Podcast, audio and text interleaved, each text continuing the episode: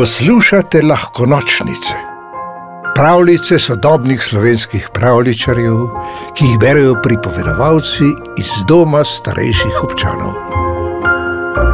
Lužasta zabava. Dež se je polegel in skozi oblake je posijalo nasmejano sonce.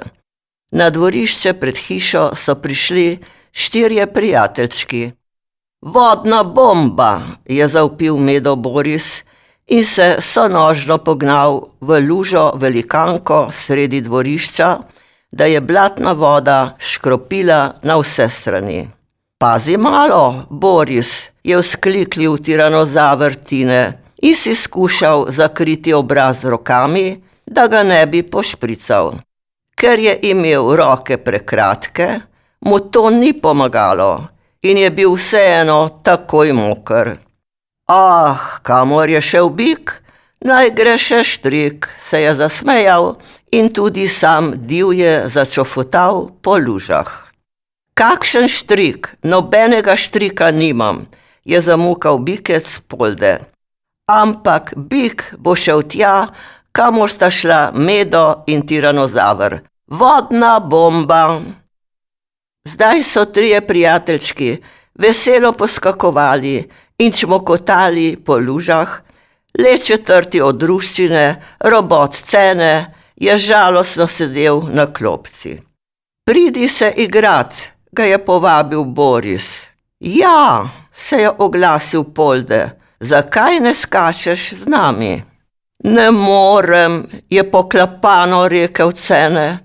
Če se preveč zmočim, lahko zarjavim. Ojej, to je pa resna nadloga, je pripomnil Tine. Hej, kaj pa če ti posodim svoje škorne? Mene vlaga med nožnimi kremplji ne bo motila. Sploh smo pa tiranozauri, hladnokrvne živali in se ne prehladimo kar tako. Bi res to naredil zame, je bil navdušen robot.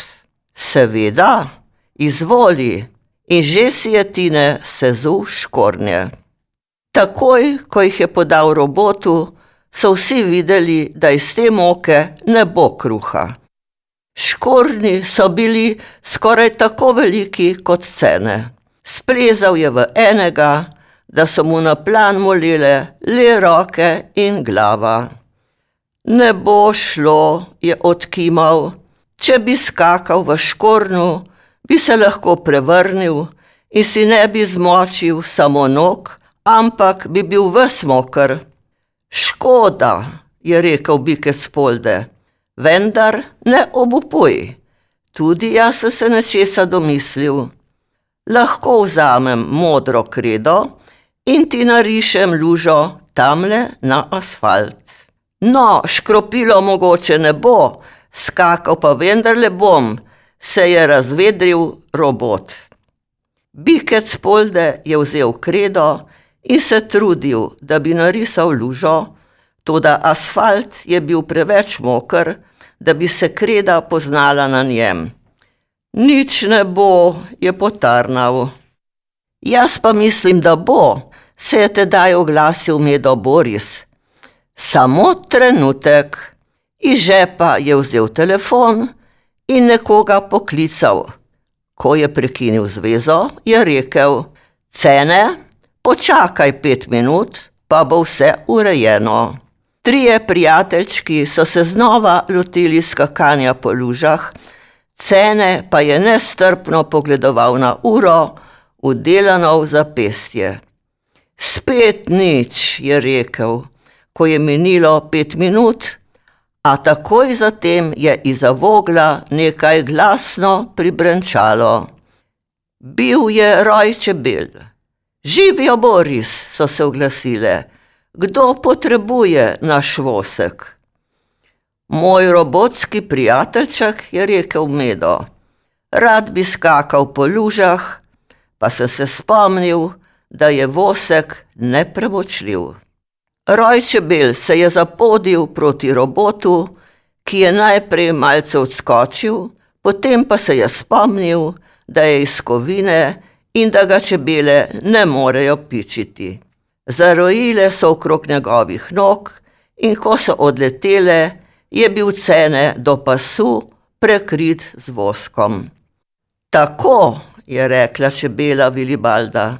Zdaj lahko po mili volji skačeš po lužah. Voda in rja ti ne bosta prišli do živega, no, do kovinskega. Najlepša vam hvala je kar žarev robot. Če boste kdaj potrebovali nov pan, samo povejte, zelo rad postavljam stvari. Na to se je obrnil, stekel proti luži in se vso močjo pognal vanjo. Vodna bomba! je zaupil, ko so kaplje poškropile prijateljčke.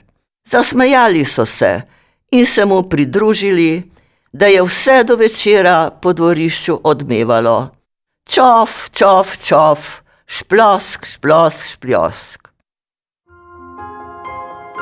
Pravljico napisal Boštjan Gorenc Pižama, pripovedovala Ivica Prosen. V deželo princesk, zmajev, gozdnih vil in ostalih čarobnih biti ste vabljeni vsak večer. Novi pravljici prisluhnite na lahkonočnice.si, pa lahko noč.